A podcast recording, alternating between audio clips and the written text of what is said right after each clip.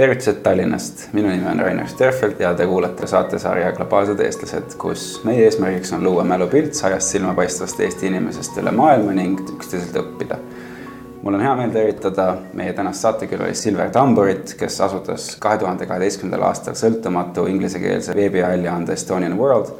mille eesmärgiks on maailmaga jagada Eesti ja eestlaste edulugusid ning vahel ka murekohti. Silver on täna Estonian World peatoimetaja. väljaandel on internetis ligi viiskümmend tuhat järgijat ning kaastööd on laekunud rohkem kui kahesajalt inimeselt. Silver on õppinud ajakirjandust Tartu Ülikoolis ning Birkbecki kolledžis Londonis lisaks Estonian Worldile on Silver teinud inglisekeelseid kaastööd Rahvusringhäälingule, Deutsche Wellele ning Uus-Meremaa raadiole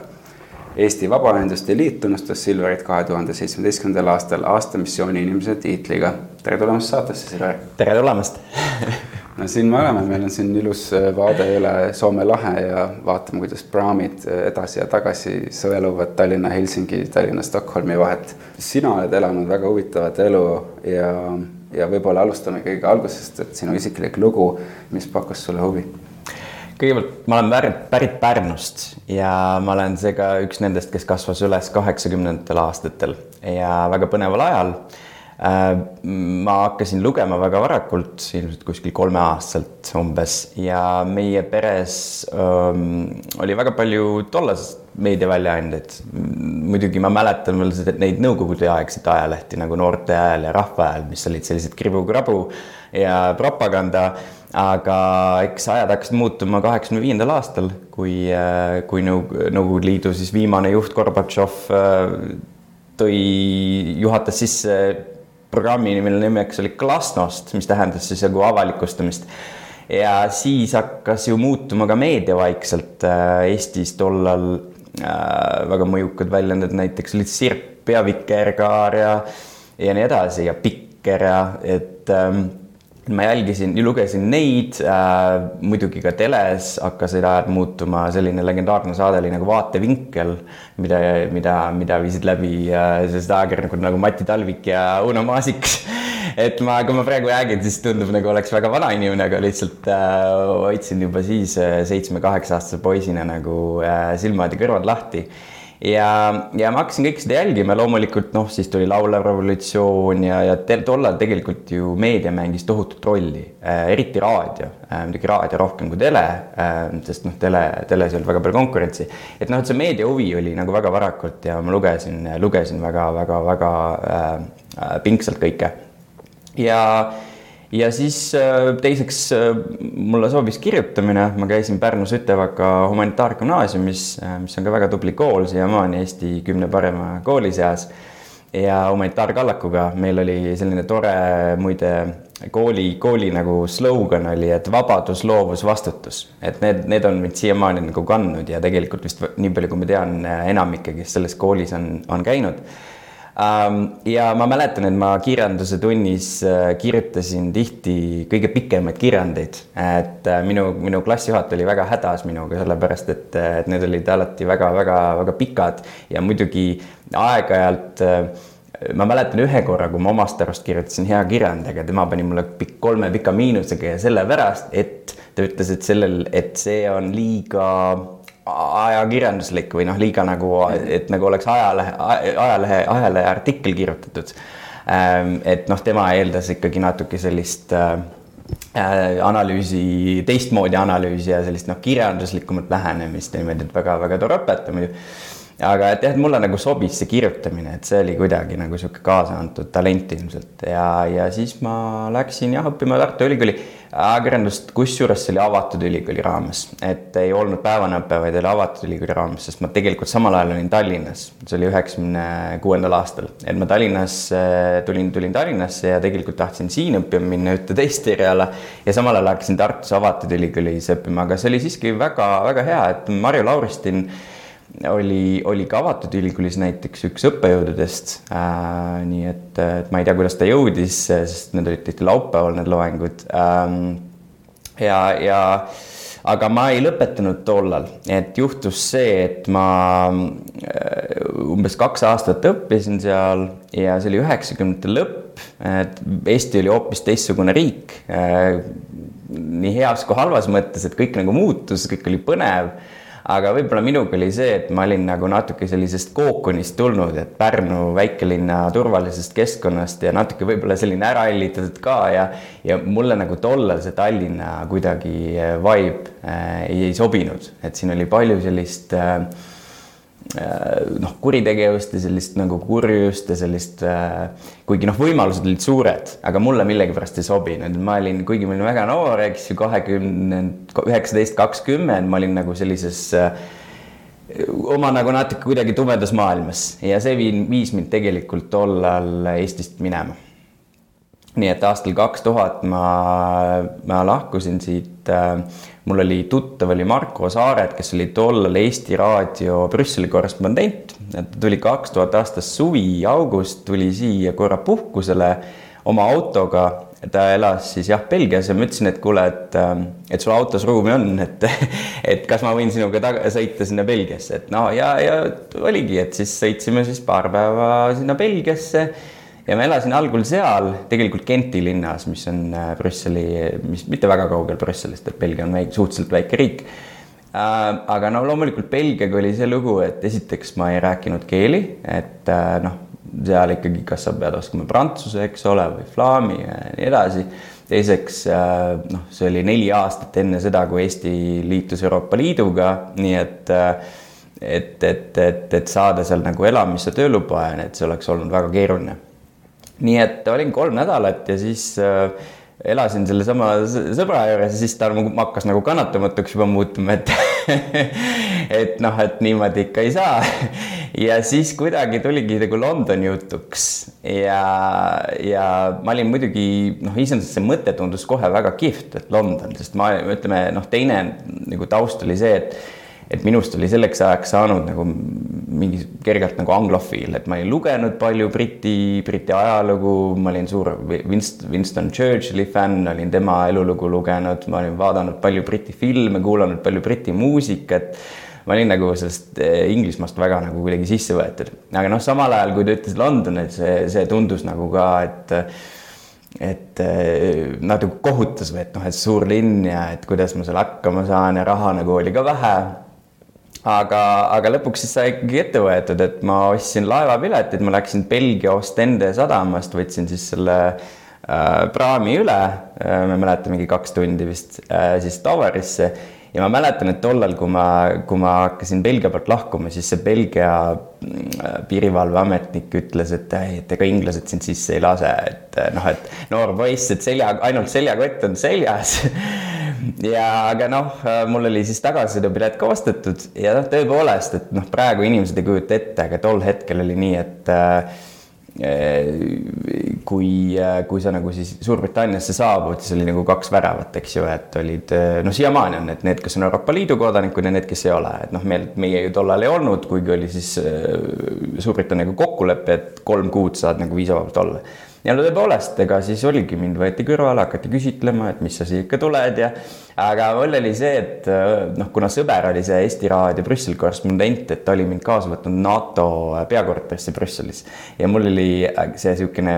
ajakirjanike see ajutine nagu ühepäevane mingi pressi niisugune kaart või asi, et ma näitasin selle ette, ma ütlesin, ma olen ajakirjanik, ma tulen lihtsalt siia äh, mõneks päevaks nagu lugu tegema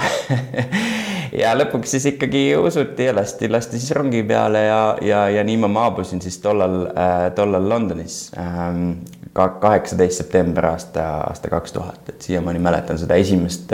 esimest õhtut äh, oli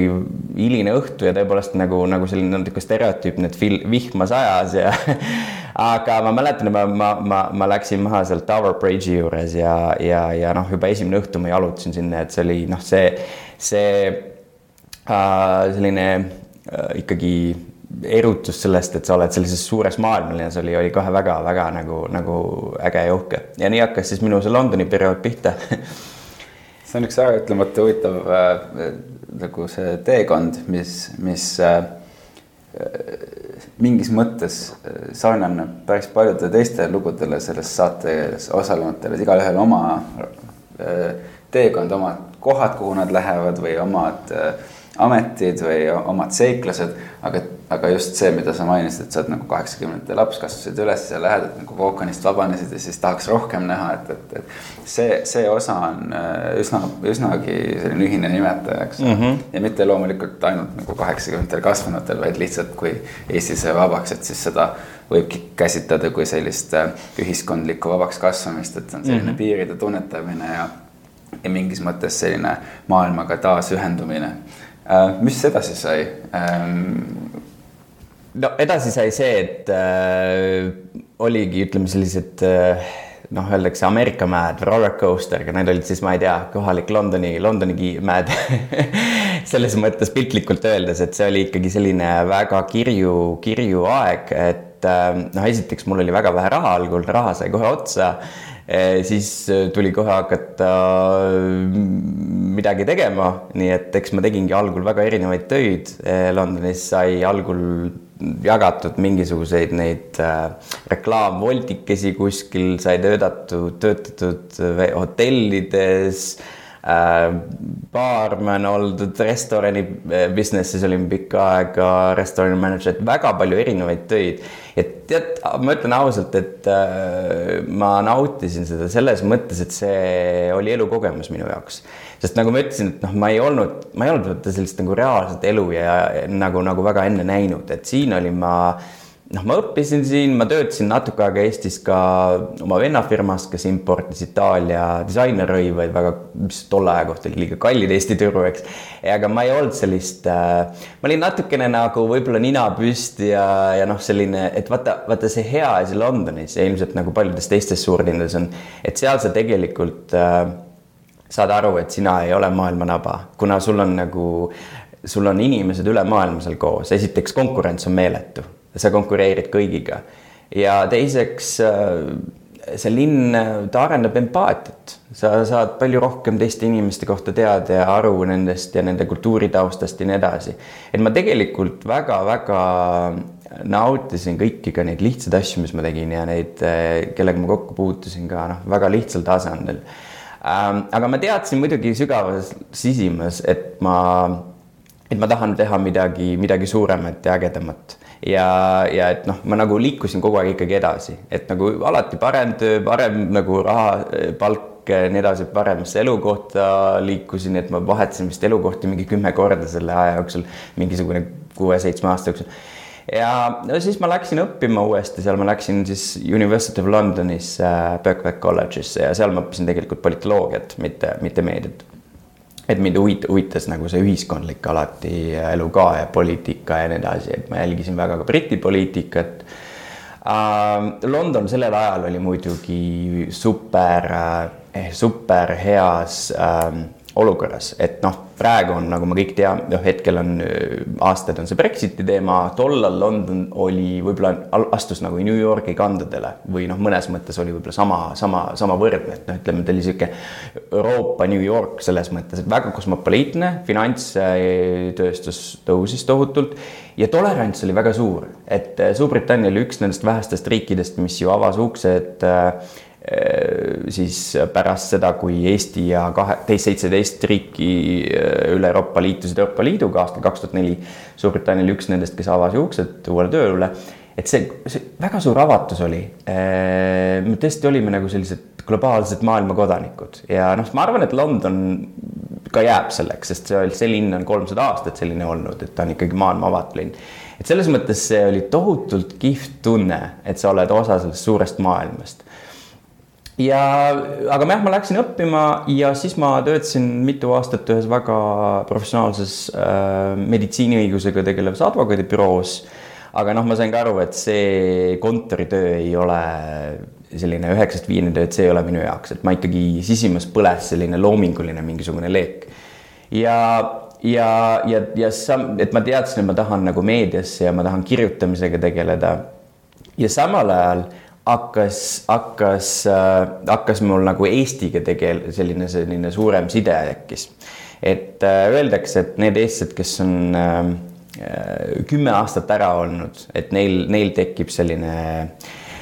noh, mingil määral võib-olla öeldakse, et läbi selline roosade prillide suhtumine, et sa nagu tekib ka teatud nostalgia ja sa vaatad nagu väga positiivselt kõigile ja noh, ma arvan, et, et minuga umbes nii juhtus, sest noh, nagu ma ütlesin, et kui ma, kui ma Eestist ära läksin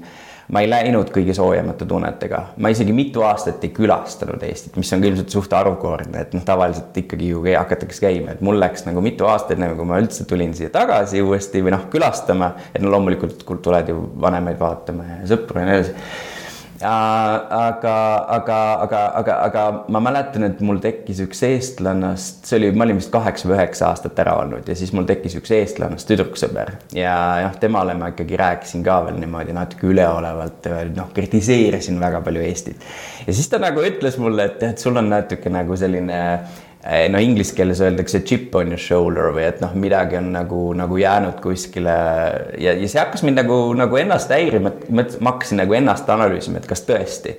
ja, ja noh, samal ajal oli ju see taust, et, et Eestil läks väga hästi, ta liitus euroga äh,. Skype oli, eks ole, loodud, oli see startup skeene, mis hakkas aren-, arenema Londonis tekkis väga suur professionaalsete eestlaste kogukond. Eh, Estonian Guild või Eesti Guild tekkis seal, seal oli London Eesti Selts, tekkis selline Eesti seltselu ja ma hakkasin kõigest sellest nagu osa võtma. ja see oli aastal kaks tuhat kümme ja kaks tuhat üksteist. ja siis ma, mul tekkis mõte, et et äh, võiks hakata, ma nägin, kui äge on see eestlaste elu seal ja muide Transferwise oli just asutatud seal, Kristo Kaarman ja Taavet Inrikus. ja ma vaatasin, et, et, et sellest võiks nagu Eesti meedias kirjutada. ja mul oli kohtumine Urmo Soonvallaga, kes on äh, siiamaani Delfi Eesti Päevalehe peatoimetaja ja me rääkisime, kohtusime temaga ja arutasime, et mida, et võiks siis hakata neid nii-öelda globaalseid eestlasi samamoodi, et globaalseid eestlasi, et, et neid hakata intervjueerima ja seda ma hakkasingi tegema, et ma hakkasin siis Eesti Päevalehele kirjutama äh, nendest inimestest. Äh, ma mäletan, esimene oli vist Ivo Aulik, keda ma intervjueerisin, kes on, äh, kes oli äh, asutanud ühe taksofirma äh, City of Londonis Äh, vabandust, Canary Wharfis, mitte City of London, ehk siis see teine Londoni üks äh, suurem selline äri, äri, äripiirkondi ähm,. mis oli üheks edukamaks taksofirmaks seal saanud ja ma tegin temaga loo ja ja, ja seal olid veel mingisugused kultuuriarvustused, vist Everton The Two Dragons käis seal esinemas ja nii edasi, Sophie Oxoni puhastuse vist esilinastus oli seal ja noh, ma hakkasin kirjutama. ja siis ühel hetkel juhtus selline asi, et ähm, et Urmo Soonvald saatis mulle ühe emaili, et kas sa saaksid ähm,, üks, oli üks, oli üks eestlane, keda, keda otsiti taga, keda taheti nagu tagasi saada Eestisse. et kas sa saaksid minna ja teha temaga ähm, intervjuu.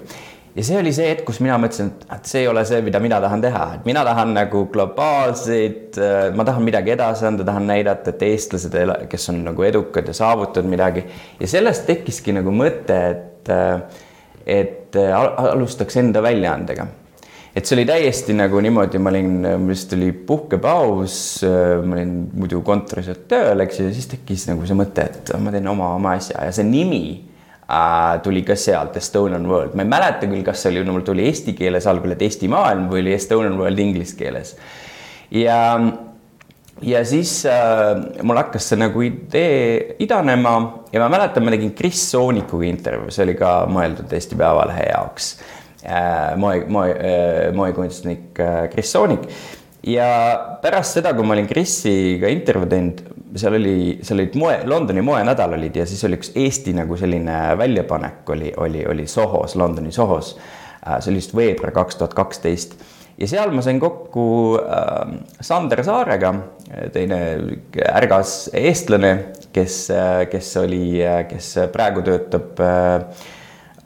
ühes Walt Disney tütarfirmas Los Angeles. Ja ta oli vist tollal, ta tegi Eesti Aktuaalsele Kaamerale aitas teha neid äh, nagu kaameratööd, et kui oli, kui oli seal äh,, tehti intervjuusid, mingi midagi Eestiga seotud üritused, siis tema tegi seda tal, ta oli nagu tegi nende, nende kaameratööd ja ma, ma käisin temale lihtsalt kuidagi, hakkasime juttu rääkima, käisin selle idee välja, et vaat selline mõte, teeks sellise globaalse väljaanne, ande. Ja ta tuli kohe selle ideega kaasa. Ja siis äh, me hakkasime seda ette valmistama. Ja meil oli veel noh, me mitu kuud nagu valmistusime ette ja meil olid nagu mõtted, et kas me teeme ta kahes keeles, et oleks eesti ja inglise. Ja lõpuks me arutasime väga erinevate inimestega me saime aru, meil ei ole ressursse, et teha ta, et teha ta kahes keeles ja me otsustasime, et me jääme inglise keele juurde, et tol ajal noh, nüüd kui nagu konteksti veel lahti rääkida, et tol ajal oli olemas Rahvusringhäälingu ingliskeelne portaal ERR News, mis on siiamaani, see oli alustanud kaks aastat varem, aga nemad, nii nagu noh, siis ja nagu praegu nad ikkagi keskendunud rohkem nendele, ütleme, siseriiklikele uudistele ja noh, nende inglise keelde nagu tõlkimisse, tõlkimisele, mis siis annavad rohkem võib-olla edasi nagu kohalikele inimestele, kes eesti keelt ei räägi seda infot, aga meie mõte oli, et me, et me teeme nagu ajakirja, et eh, minu eh, noh, ütleme nii, et veel rääkida nagu ingliskeelsest meediast, mis oli minu eeskuju, et, et, et ma olen suur The Economisti fänn, et see The Economisti ajakiri on minu jaoks nagu selline super näide, kuidas on võimalik äh, väga intelligentsetel teemadel, intelligentsetest asjadest kirjutada niimoodi, et see oleks nagu võimalikult paljudele arusaadav. et äh, noh, siiamaani nende, nende, nad levivad üle maailma, ma ei tea, nelja-viie miljoni inimeseni. Et, et, et teha midagi sellist ajakirjalikku, et kus meil on intervjuud inimestega, kus me avame rohkem tausta, noh, nagu inglise keeles öeldakse, et feature lood. et see oli meie mõte. Ja siis jah, me alustasime, läksime siis, esimene artikkel läks äh,, avaldati viies juuli kaks tuhat kaksteist, et see oli siis, kuidas me, millal me alustasime Estonian Worldiga mitmes mõistes see Estonian World um, on siis uh, sellesama saatesarja Globaalsed eestlased eelkäija. Ja äh, ma mäletan, kui mul endal tuli mõte ühel lennul uh, Frankfurdist San Franciscosse see saatesari teha. Ja see tuli üsna sellisel sarnasel moel, et, et ma olin juba aastaid eemal olnud Eestist, kuigi ma käisin viis-kuus korda aastas Eestis ja, ja ma tundsin, et kui ma lugesin eestikeelset meediat või ma nägin mingeid intervjuud kellegiga, et, et, et nende inimeste nagu lugusid ei kajastatud nii, nagu ma mõtlesin, et võiks kajastada, et mis on nende sammud, kuidas nad otsuseid teevad, kuidas nad jõudsid ühte, teist või kolmandasse kohta, et nende neid läbielamisi või isegi noh, nagu kogemusi tegelikult võiks rohkem jagada teiste inimestega. ja, ja siis, kui ma mõtlesin, mis selle asja nimi võiks olla, siis tuli lihtsalt pähe, et globaalsed eest, et see oli täiesti niimoodi juhuslik. ja siis, äh, kui ma paari sõbraga olin rääkinud, siis äh, üks neist ütles, et kuule, aga seal Estonian Worldis, et neil tegelikult on üks terve sari ka, et Global Estonians, ingliskeelseid äh, intervjuusid äh, kuid kirjavormis. et mina mõtlesin, et ma ei jõua elu sees kirjutada kõiki neid asju üles, teiseks ma ei taha nagu seda äh, seda tunnet, seda vibe'i, seda konteksti nagu ära kaotada, sest et ma ei taha kellegi teise eest kirjutada, ma tahan, et see inimene ise ütleb nii, nagu ta, ta räägib, et siis on, tekib selle inimese identiteet ka. ja siis, ja siis ma võtsin ühendust sinuga, et kuule, mul on selline lugu, et nüüd juhtus selline lugu, et on selline mõte sellise saate sarja jaoks, aga siis on, sul on sarnase nimega, inglisekeelse nimega äh,, otseselt sama nimega, lihtsalt inglise keeles äh, intervjuude sari, mis juba oli mingi neli aastat enne mind vist käinud ja siis olid teil juba sada, sadakond intervjuud. räägi sellest nagu, et kui palju, kuidas te, kuidas te nagu mm, seda asja olete teinud, äh, mis tüüpi inimesi te olete leidnud, kuidas see asi nagu hakkas oma elu elama mm? -hmm. no kõigepealt jah, et miks me üldse Estonian Worldi, eks ju, tegime, et, et noh, seal oligi kaks asja, et üks oli see, et, et me nägime, et eh, noh, ma nägin ise, ma töötasin ühes Briti firmas, eks ju, kus, eh, kus, kus, kus noh, Eestist ikkagi teati väga vähe, teati, et mina sealt olen, aga ma mäletan, mul oli näiteks üks kolleeg, kes, kui ma ütlesin talle, et Skype, eks ju, et asutati Eestis või see software kirjutati siin ta ei uskunud mind, me vedasime kihla ja muidugi võitsin selle kihlveo, eks ju aga see näitaski seda, et noh, et me peakskime nagu rohkem kirjutama, et see üks Estonian Worldi mõte oligi see, et me ikkagi ise nagu taome seda trummi rohkem, et me kirjutame asjadest, ähm, äh, mis meil on, ägedatest algatustest, ägedatest inimestest. teine mõte oligi see, et noh, et, et näidata, et äh, või ütleme, et olla toeks nendele samadele e-, globaalsetele eestlastele, nende eest-, eestlastest professionaalid, kes elavad äh, üle maailma ja, ja teevad tööd ja nii edasi, et olla neile nagu toeks ja selliseks nagu sillaehitajaks et see Global Estonians, vaat ma ei mäleta, kust meil see nimi tuli, et ma arvan, et see nimi oli nagu keerelnud kuskil ringkondades juba varem, see Global Estonians või noh, vähemalt globaalsed eestlased eesti keeles. võib-olla inglise keeles ei olnud seda jah, nii palju kasutatud. ja siis oligi mõte, et me hakkame intervjueerima neid inimesi, kes elavad äh, Londonis, New Yorgis, San Franciscos, Los Angeles, nii edasi, et suurtes linnades ja, ja, ja on oma alal midagi saavutanud äh, või saavutamas um, ja see oligi see mõte, et me küsime nende käest, kuidas nad sinna sattusid, kuidas nad teevad asju, millesse nad, äh, millesse nad usuvad, kas neil on, kas neil on eestlastega jätkuvalt mingi, kui palju neil on Eestiga side. et noh, et, et selline omavaheline nagu infovahetus. muidugi, et seda teha inglise keeles, noh kuna Estonian World oli inglise keeles, siis me pidime lihtsalt kõik tegema inglise keeles, et noh, ütleme, oleme ausad, et võib-olla osa nendest intervjuudest ei ole ei ole võib-olla nii huvitavad, ütleme, mitte-eestlastele või noh, need, kes on, tahavad rohkem Eesti kohta teada. aga, aga nii ta oli ja me hakkasime väga erinevaid inimesi äh, intervjueerima, mitte tingimata no,, mitte tingimata need, kes on juba nagu tipus, et, et seal oli, olid muusikud, oli üks lavastaja äh, olid ettevõtjad, et, et tõesti väga-väga erinevad inimesed, noh, loomulikult me alustasime, kuna me ise olime Londonis, siis alustasime, alustasime paljudest nendest, kes oli juba Londonis, aga me liikusime edasi, et ma mäletan, et äh, San Franciscost oli seal inimesi ja nii edasi. ma pean tunnistama, et kahjuks meil on viimastel aastatel jäänud see natukene see formaat soiku, et me võib-olla peaksime taaselustama, aga, aga jah, et, et see oli see mõte, et olla nagu toeks, sillaehitajaks, infovahetus eestlaste vahel ja, ja loomulikult me teadsime ka seda, et Estonian Worldi loetakse ka Eestis, muide siiamaani loetakse ka Eestis kuskil kakskümmend viis protsenti protsenti lugejatest on tegelikult Eestis ja seitsekümmend viis protsenti on, on, on, on välismaal ähm, või Eestist väljaspool. et me teadsime ka seda, et Eestis loetakse ja meie lootus oli ka see, et äh,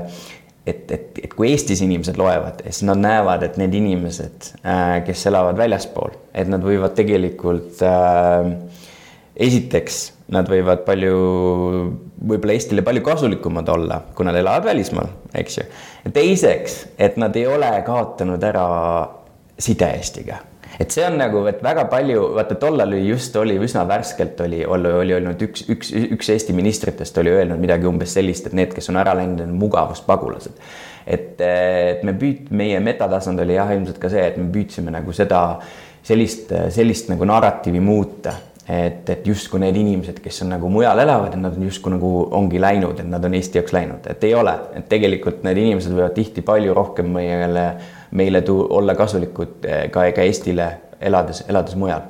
Et noh, kus siin on ju filosoofiline küsimus lihtsalt, et, et kas sa, kas sa oled, eks ju, õnnetu Eestis ja, ja sinust ei ole üldse mingit kasu või sa oled õnnelik äh, kuskil elades suurlinnas mujal, eks ju. et noh, millega ma tahan öelda, et inimesed Eestis on õnnetud, aga lihtsalt fakt on see, et mõned inimesed saavad ennast paremini teostada elades äh,, elades äh, kuskil mujal ja noh, ma olin ise üks nendest, et noh, nüüd olen ma Eestis tagasi või noh, tagasi, eks ju, aga noh, ütleme selles mõttes, et mu, ma, ma baseerun siin Äh, juba viimased viis aastat uuesti, aga ma tean omast käest, et noh, sellel hetkel, kui ma elasin aastal kaks tuhat kuni kaks tuhat neliteist eemal, ma minu, minu, ma arvan, et noh, ma olingi lõppkokkuvõttes, ma olen kasulik, olen ma kasulikum Eestile tänu sellele, et ma elasin siit ära. Ja, ja selles mõttes on huvitav, et see eestikeelne sisu äh, globaalsetest eestlastest ja inglisekeelne sisu ka globaalsetest teedest, aga ka tegelikult Estonia World ikkagi kajastab kogu Eestis toimuvat laiemalt. Äh, et neid mõlemaid on ikkagi vaja ja ma arvan, et sellega katab üsna palju ära ja see on selline loomulik evolutsioon, et mulle meeldib vaadata, kuidas need asjad ise ka arenevad mm. -hmm. et kuidas nende toon muutub, kuidas nende äh, uudiste sisukus muutub ja me ise nagu saame võib-olla noh, maailma kodanikeks läbi mhm, selle mm. -hmm. ja, ja, ja minu arvates Estonia World on väga hea näide sellisest kodanikualgatuslikust ähm, projektist, mis, millest on saanud selline sild Eesti ja ülejäänud maailma vahel mm. -hmm. ja, ja, ja võib öelda, et viimase kümne-viieteist aastaga üldse on, on maailm Eesti oma teadusesse rohkem võtnud ning Eestist on, on saanud nagu maailmas arvestatav panustaja erinevates valdkondades. ja, ja, ja võib-olla noh, kui võib-olla sellest nagu uhkusest nagu edasi minna, eks ole mm -hmm., siis järgmine samm on see, et, et me oleme hakanud ka rohkem äh, rääkima murekohtadest mm -hmm. ja seda ma olen märganud ka teie väljaande mm -hmm. puhul. et, et võib-olla räägikski natuke sellest, et, et viimase paari aasta jooksul on nii Eesti kui ka muu maailma kohale kogunenud murepilved, et mis mm -hmm. valmistab et Äh, sulle muret ja, ja, ja millele tahaksid seal Estonia Worldis keskenduda, et kuidas, kuidas te mõtlete nendest asjadest mm? -hmm. no kõigepealt mäletan, et äh, kui me kirjutasime, see oli vist november kaks tuhat kaksteist ühes juhtkirjas, ma küsin, ma kirjutasin lahti, et miks üldse Estonian World ja seal ma tegelikult kirjutasin ka seda, jah, me oleme loodud selleks, et nagu tuua rohkem välja selliseid ägedaid ja positiivseid lugusid Eesti kohta, et teha meid nagu, näidata, et me olemegi suur, selle osa sellest suurest maailmast, aga ma kirjutasin juba tookord ka seda, et ähm, me ei saa silmi kinni piga, pigistada äh, murekohtade äh, osas. Ja noh, tol hetkel või noh, ütleme, ma tõin välja seal äh, see, kuidas näiteks äh, äh, kuidas näiteks ütleme, teatud poliitikud ütlevad, äh, ütlevad mingeid asju välja. Ähm, noh, seal oli näiteks, kuidas naisi natukene näidatakse niimoodi teisejärguseline või, või oli seal rassismi teemad. et äh, ja noh, teine asi jah, et, et Eesti lõpp, Eesti piirid ei lõppe. Äh, et Eesti, Eesti on üks osa suurest maailmast, et kuigi Estonian World on, on selline nagu mingis, mingil määral nagu rahvuslik väljaanne, aga ta on osa globaalsest maailmast, eks ju et, et noh, seda ma tahtsin nagu, et lugejad aru saaksid. nüüd nende aastate jooksul ja mis on praegu tõesti ilmselt meil on, seisab ees, et see mure on, et äh, loomulikult avatusega on suur, suur mure ikkagi. et avatus on üks, üks asi, mis on, mis on murekohaks um, Äh, noh, see väga selgelt on välja tulnud viimase nelja aasta jooksul, alates aastast kaks tuhat viisteist, kui see oli põgenikekriis, eks ole. et noh, see, need on need kohad, kus Estonian World on selgelt hakanud välja tooma äh, mis võiks olla nagu paremini nii juhtkirjades kui, äh, kui, kui intervjueerides lugudes ja nii edasi. et noh, üha rohkem on tegelikult Estonian Worldis hakanud kirjutama ka siia tulnud välismaalased või noh, inimesed muudest riikidest. et see ei ole ainult noh, et see on ikkagi kahesuunaline tänav, et see ei ole ainult, et eestlased nagu räägivad, mis on, vaid, vaid tegelikult ka, kuidas teised meid, meid, meid näevad et see on nüüd üks pool, on see avatus ähm, teine pool on loomulikult sotsiaalsed küsimused ka, et noh, see on nagu üks, et tõesti, et meid kritiseeriti ka algul Estonian Worldi öeldi, et noh, et see ei ole nagu klassikaline meediaväljaanne, kuna te räägite ainult heast, positiivsetest asjadest. ja mingil määral oli see algul tõsi, sellepärast et me elasime mujal, me ei, võib-olla ei olnud nagu ise kursis ka enam igapäevaeluga. ma olin ise olnud neliteist aastat siit ära ähm, kui nüüd Eestis ringi käia, ma olen väga palju seda teinud viimastel aastatel, siis ma näen jätkuvalt ikkagi väga palju sotsiaalseid probleeme, et meil on probleeme selle sisu, sidususega, meil on probleeme äh, ikkagi siin, et meil on lõhe äh,, noh, palgalõhe on nii naiste-meeste vahel, aga ütleme ka noh, palgalõhe on ikkagi päris suur nagu erinevate inim, inimgruppide vahel et noh, need on need, need on need probleemid, et selles mõttes Estonian World on muutunud ja muutumas äh, tunduvalt ka nagu sotsiaalkriitilisemaks. aga noh, üks asi tõesti, kus me oleme alati nagu püüame, püüame oma panuse anda, on see, et äh, et aidata suurendada nagu sellist äh, noh, avardada maailmapilti ja, ja et, äh, et omakorda nagu välja tuua ikkagi, et me, me oleme osa globaalsest maailmast, et Eesti on, et see, me ei saa nagu äh, teeselda, et et, et me oleme siin nagu isoleeritud saare peal ja, mm -hmm. ja paneme ukse kinni ja et, et, et, et seda jah. just, et, et äh, ma mäletan äh, Lennart Meril oli kunagi kaks kõnet, et mm -hmm. mis ma tõenäoliselt ei mäleta täpselt, kumba pidi see oli, aga üks oli, et kus lõpeb lääs ja, ja teine oli, kus algab ida. Ja see oli Eesti nii-öelda Euroopa Liidu eelne aeg mm. -hmm. ja, ja see oli hästi oluline selline narratiiviloome ja, ja nii edasi. et, et nüüd nii-öelda ikkagi äh, viisteist äh, aastat hiljem peale Eesti Euroopa Liiduga ja NATO-ga liitumist, et me võime rääkida ikkagi, et et kui nüüd natukene pöörata see jutt ringi, et, et ühelt poolt me rääkisime eestlastest maailmas mm, -hmm. aga see to toimub ka vastupidi et kõik meie projektid äh, alates äh, Skype'ist, mis tõid Eestile palju edu ja millest on sündinud palju asju, on toonud Eestisse palju spetsialiste. Mm.. aga see ei ole ainult infotehnoloogia vallas, eks ole, et see on mujal ka, et Eesti tundub olevat selline hästi keelepõhine ühiskond, et kui sa selle keele ära õpid, siis inimesed võtavad sind omaks. aga ometi on siin ka inimesi, kes igapäevaselt panustavad Eestis olevatesse organisatsioonidesse ja, ja võib-olla nad ei õpigi nii hästi seda keelt ära, püüavad, eks ole, aga nende igapäevatöö on inglise keeles. ja ma saan aru, et sa oled tegelikult ka ühe teise algatuse äh, juures on Astonishing Events äh,. mis see on ja, ja kuidas see alguse sai? jah, nimi on Astonishing Evenings tegelikult Evening. Uh, jah, et Estonian World on nüüd sellega ka meediapartner, see on väike tiim, kes seda teeb, see on nüüd ka, me oleme kaks aastat teinud ja tõesti selle mõte oli see, et kui ma ise tulin Tallinnasse uuesti elama, ma nägin seda jah, et kui palju ähm, on ikkagi, kui vähe me tegelikult teame äh, teist, teistest, teiste kultuuride ja teisest, teistest ähm, riikidest pärit inimeste kohta. et me oleme nagu, räägime sellest, et me oleme PISA testides väga head ja me olemegi, Eesti on selles mõttes ju Eestis, Eesti, Eesti lapsed on tublid, aga mulle siiski tundub võib-olla ka ajaloolise pärandi tõttu, et meil on natukene vajaka sellisest ähm,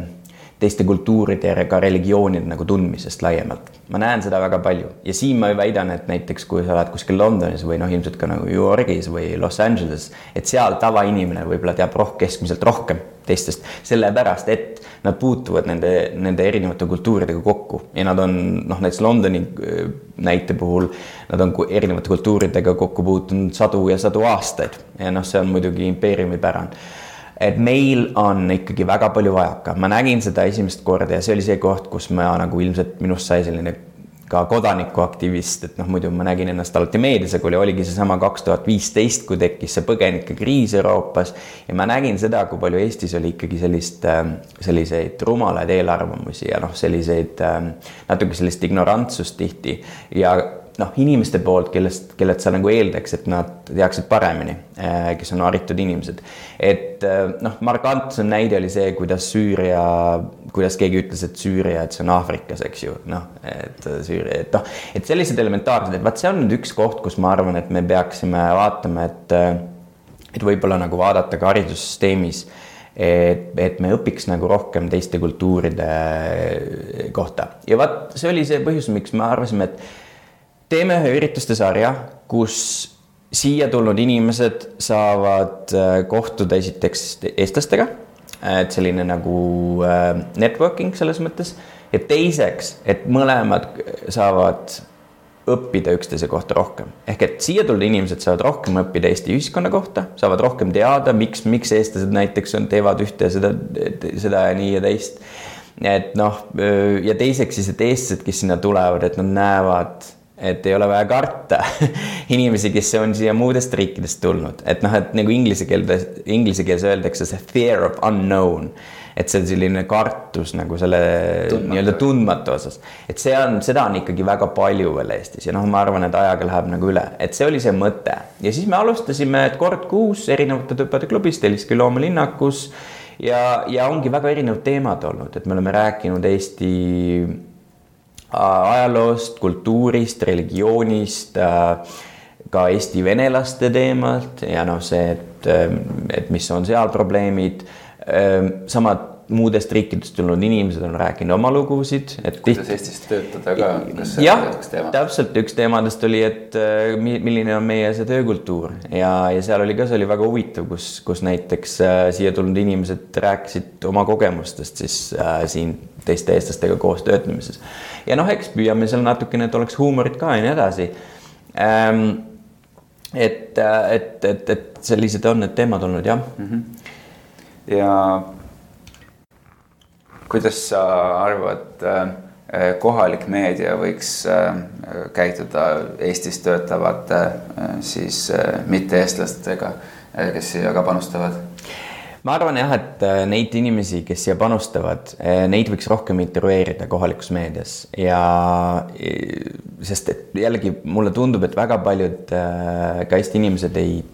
adu, kui palju nad tegelikult panustavad, ehk et nad eriti, nad on ju enamasti kõrgepalgalised, kui me räägime eriti siin IT-spetsialistidest, nii edasi. siis nad ju tegelikult panustavad tohutult Eesti riiki. ja mis ju tegelikult, millest me kõik võidame, et kindlasti meedia võiks ja kui vaadata nüüd jällegi näiteks Suurbritannia, Ameerika Ühendriikide näidetel, siis ju ka kui me vaatame popkultuuri või noh, nagu teleseriaale näiteks, siis tegelikult ju nemad juba alates kuuekümnendatest, seal olid karakterid, kes olidki teise taustaga, noh, Aasia, Aasia päritoluga ja nii edasi. see aitab kaasa ka sellisele avatusele ja nagu, et sul see, et see, see kartus nagu natukene ära kaob, eks ju, et näha, näidata neid. et noh, personaalne kontakt on loomulikult üks parimaid, aga lihtsalt noh, selge on see, et kõik, kui sa oled kuskil Lõuna-Eestis, võib-olla sa ei igapäevaselt ei puutu kokku inimestega teistest kultuuridest. et siin nagu meedia saaks kindlasti kaasa aidata, jah mm. -hmm. ja, ja võib-olla kogu sellest äh, teemast rääkides, et, et maailm muutub kogu aeg väiksemaks. tänu internetile me saame ühend, ühendust mis tahes punktiga maailmas. ja kas sul on mõni selline mm, raamat, mida sa võib-olla soovitaksid kuulajatele, et, et, et mis äh, räägib kas siis äh, maailmast või murekohtadest, äh, mida sa, jah, mida sa arvad, et inimesed, kui nad seda loevad, et nad sellest saaksid kasu. No üks raamat, mis mind on kindlasti mõjutanud väga palju, on äh, George Orwelli tuhat üheksasada kaheksakümmend neli. Ja ma lugesin seda juba tegelikult üheksakümnendatel. Äh,. vist Eestis esimest korda eesti keeles, aga siis ma lugesin seda mingi hetk inglise keeles ka, kui ma elasin, äh, kui ma elasin Suurbritannias. Et see on huvitav raamat ja see on väga ajatu ja see on muidugi hämmastav, kuidas äh, Orwell kui, kuidas ta suutis nagu selles mõttes tulevikku näha, et eks ju, et noh, ta kirjutas selle, kui ma ei eksi, kas see oli neljakümne, tuhat üheksasada nelikümmend kuus või nelikümmend seitse, ma nüüd päris täpselt praegu ei mäleta. ja sellel hetkel oli ta muidugi mõjutatud noh, külma sõja algusest, see Nõukogude Liidu ja, ja siis läänemaailma vastasseisust. aga täna hakkab see raamat tegelikult võtma nagu hoopis teisi mõõtmeid, et noh, seal on mitu mõõdet, eks ju, et see, et esiteks, et noh, kuidas äh, kuidas tehisintellekt mingil hakkab meid mõjutama, et noh, see, see teema on ju tegelikult selles raamatus, aga teine pool muidugi, metatasand on ikkagi see, see tot-, totalitaarne ühiskond ja ütleme see, kuidas, kuidas me oleme jälle sellises olukorras, kus äh,, kus tegelikult liberaaldemokraatia on ju löögi all. Ja siin noh, jällegi äh, teha nüüd suur vahe, et väga paljud inimesed ajavad nagu segamini liberaaldemokraatia ja liberaalse poliitilise, ütleme, erakondliku, erakondliku nagu maailmavaate, et see on nagu kaks ise asja, et kui me räägime liberaaldemokraatiast, siis tegelikult Eesti Vabariigi põhiseadus põhi, on, on liberaaldemokraatlik põhiseadus, ehk see tähendab seda, et äh, seadustel põhinev, et kõik, kes, kes siin riigis elavad, selles ühiskonnas, et kõikide õigused on tagatud ja nad on võrdsed selles mõttes et kedagi ei diskrimineerita. ja kui me näeme seda, mis toimub äh, väga paljudes riikides praegu äh,, noh näiteks Hiina äh,, Türgi äh,, isegi Ameerika Ühendriikides mingid muremärgid äh,, Suurbritannias teatud muremärgid ja noh, väga paljudes riikides, et see tot, selline totalitaarne ja populismi tõus, selles mõttes see raamat on on, on, on, on väga relevantne täna uuesti mida tasuks kindlasti lugeda inimestel. see on väga hea soovitus, on veel midagi? värske raamat tegelikult, mida ma jällegi soovitan ja noh, kui, kui vaadates jälle, kuidas mingid märgid teatud ühiskondades, mida, mida näitavad, siis on äh, Timothy Snyderi raamat On Tyranny äh,, alapealkiri Twenty lessons from the twentieth century. ja noh, see on jällegi ammutab siis minevikust äh, ainet, et eriti siis äh, tuhande üheksasaja kolmekümnendatest Natsi-Saksamaa äh, eriti on, on näiteks, kuidas ähm, aeglaselt hakkab selline ühiskonna ümberkeeramine, et mis on need märgid, mille järgi me saame nagu seda ära tunda, et noh, kuni selleni, et äh, et tekivad seal mingid väikesed paramilitaarsed organisatsioonid, kuidas hakatakse seal, ütleme, meediat, ajakirjanikke ründama, et noh, need märgid, et noh, nagu see raamat algul ütleb sissejuhatuses, et ajalugu ei tingi, ei kordu tingimata, aga ta annab meile, ta, ta nagu annab meile õpetust, kuidas nagu mingeid asju ära tunda, et selles mõttes tasub seda nagu hoida silma peal. Ja nüüd võib-olla lõpetuseks kaks, kaks teemat, mida ma kõikide saatekülalistega siis läbin, et, et oma töös ja, ja ja oma võrgustikuga suheldes sa kindlasti oled saanud küsimusi, et, et räägi mulle Eestist. nüüd, kui see asukoht kõrvale jätta, sest see on juba kulunud teema, et kui keegi küsib, milline on Eesti, siis kuidas, kuidas sa kirjeldad? No mina olen teda kirjeldanud ikkagi sellise tubli, tubli riigina, et, et kus ongi väga edasipüüdlik, tublid, töökad inimesed on päris palju saavutanud kolmekümne aastaga, arvestades, kust me tulime, keeruline ajalugu, aga et, et oleme edasipüüdlikud ja ettevõtlikud. Ähm, ma ise ei ole küll nii kirjeldada, aga ma tean, et äh, mulle just värskelt oligi ühel Astonishing'i üritusel üks inimene ütles, et kirjeldas eestlasi kui stubborn või nagu kangekaelsed aga ma olen selle peale mõtlema hakanud, et ilmselt seal on teatud nagu, nagu äh, tõsi küll no, või tõde sees. Eesti jonn, see on üsna tuntud. aga, aga, aga rääkides, et äh, milline Eesti võiks olla või milliseks saada, et noh, see on nagu omaette teema, et noh, siin, kui ma olen nagu sõpradega rääkida, välis, ütleme nii nende välissõpradega või nendega, kes ei ole eestlased, siis oleme olnud nagu selles mõttes väga aus, et äh, et minu meelest meil on, äh, me võiks nagu õnnelikumad olla, et noh, vaata, see on huvitav, et soomlaste kohta öeldakse, et, et üks õnnelikumaid riike, aga et see ei olegi nagu sellises mõttes õnnelikkus ainult, et noh, et kogu aeg äh, naerata või naeratad, vaid pigem nagu see, et see sidusus ja et see üksteisele nagu tugi on olemas, et see on see, kuhu minu meelest Eesti võiks, kus me peaks nagu paremaks muutuma, et, et meil on äh, rohkem seda küünarnuki tunnet, võib-olla usaldust rohkem omavahel. et, ähm, et sellist äh, pinget ja kurjust nagu vähem olla, et, et seda, seda, seda tahaks nagu rohkem mm -hmm. näha. see meenutab mulle ühte New Yorkeri äh, seda koomiksit, joonistust paari aasta tagust, see võib küll olla vanem aga seal on selline, selline lause, mees on, mees on pildi peal selline üsna õnnetu ja ma ei mäletagi täpselt, mis seal joonistuse peal oli, aga seal all oli tekst, but remember you are responsible for your own happiness mm.. et, et, et meile, mulle tundub, et mõnikord meile meeldib kedagi teist süüdistada selles, et mm -hmm. me oleme õnnetud ja kui asja nagu konteksti panna või me unustame nagu ära, et tegelikult meil äh, ei ole kõige hullem Mm -hmm, noh, pole paha mm. -hmm. um, et loomulikult võiks ju paremini minna mm, -hmm. aga mõnikord võib vaadata ringi, et uh, naaberriikidega võrreldes, et mm -hmm. või üldse üle maailma, et Eesti on ikkagi, ikkagi üsna, üsna kindlalt sellise uh, kümne protsendi nii-öelda paremiku seas mm, -hmm. kuidas meil läheb, meil on vabad valimised mm, -hmm. meil on vaba riik, me võime teha, mis me tahame jah, absoluutselt jah, ma arvan jah, me noh, üksteise suhtes võiksime natuke olla jah, heatahtlikumad, paremad, paremini läbi saada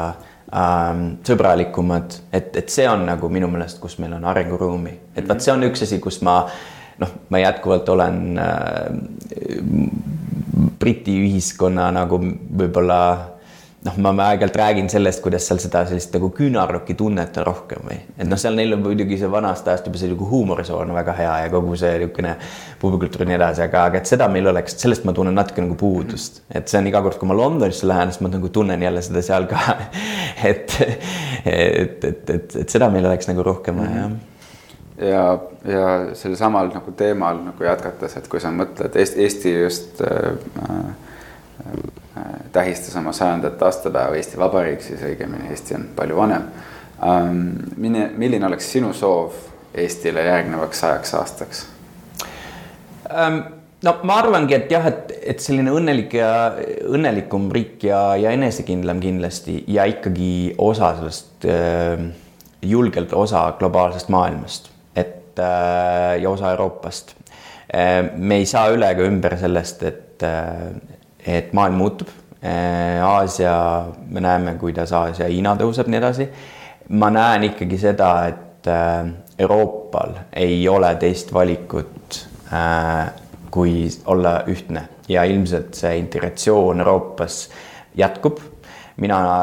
ei välistaks, et ikkagi, kui me nüüd räägime siin viiekümne aasta nagu mastaabis või saja aasta mastaabis, et tekib Euroopa, Euroopa föderatsioon või siis Ühendriigid, ükskõik, mis ta nimi on. see võib tunduda hetkel väga ebapopulaarne seisukoht, aga mina arvan, et, et see on siiski tulevik.